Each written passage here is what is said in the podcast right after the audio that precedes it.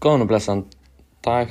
Í dag eru við að fara að tala um Káin sem er líka þekktur sem Kristján Níels Július Jónsson. Hann fætti 7. april 1859.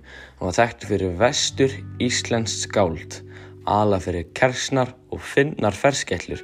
Hann ólst upp á Akureyri og misti móðu sinna 14 ára gammal. Þegar hann var 18 ára gammal fluttið hann til Kanada og fjall þar 1936. Káin var drikkveldur en vinsall hyggyrðingur enda snöggvæður og fyndinn.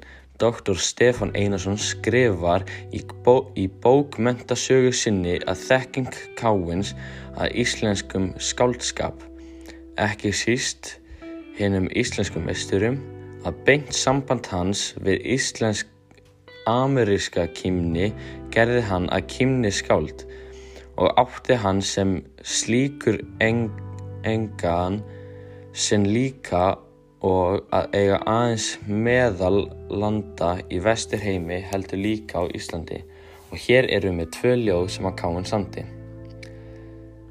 Lesi hef ég lordam stef þótt ljótt sér skriftin og síst ég efa sannleik skraftin að sæla er að gefa en þykja á kjaftin.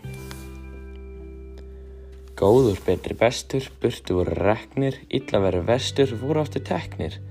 Árið 2020 gaf hljómsveitin bakkalutur úr plötuna Hveðja heim þar sem þeir syngdu einhver lög sem að káin samti.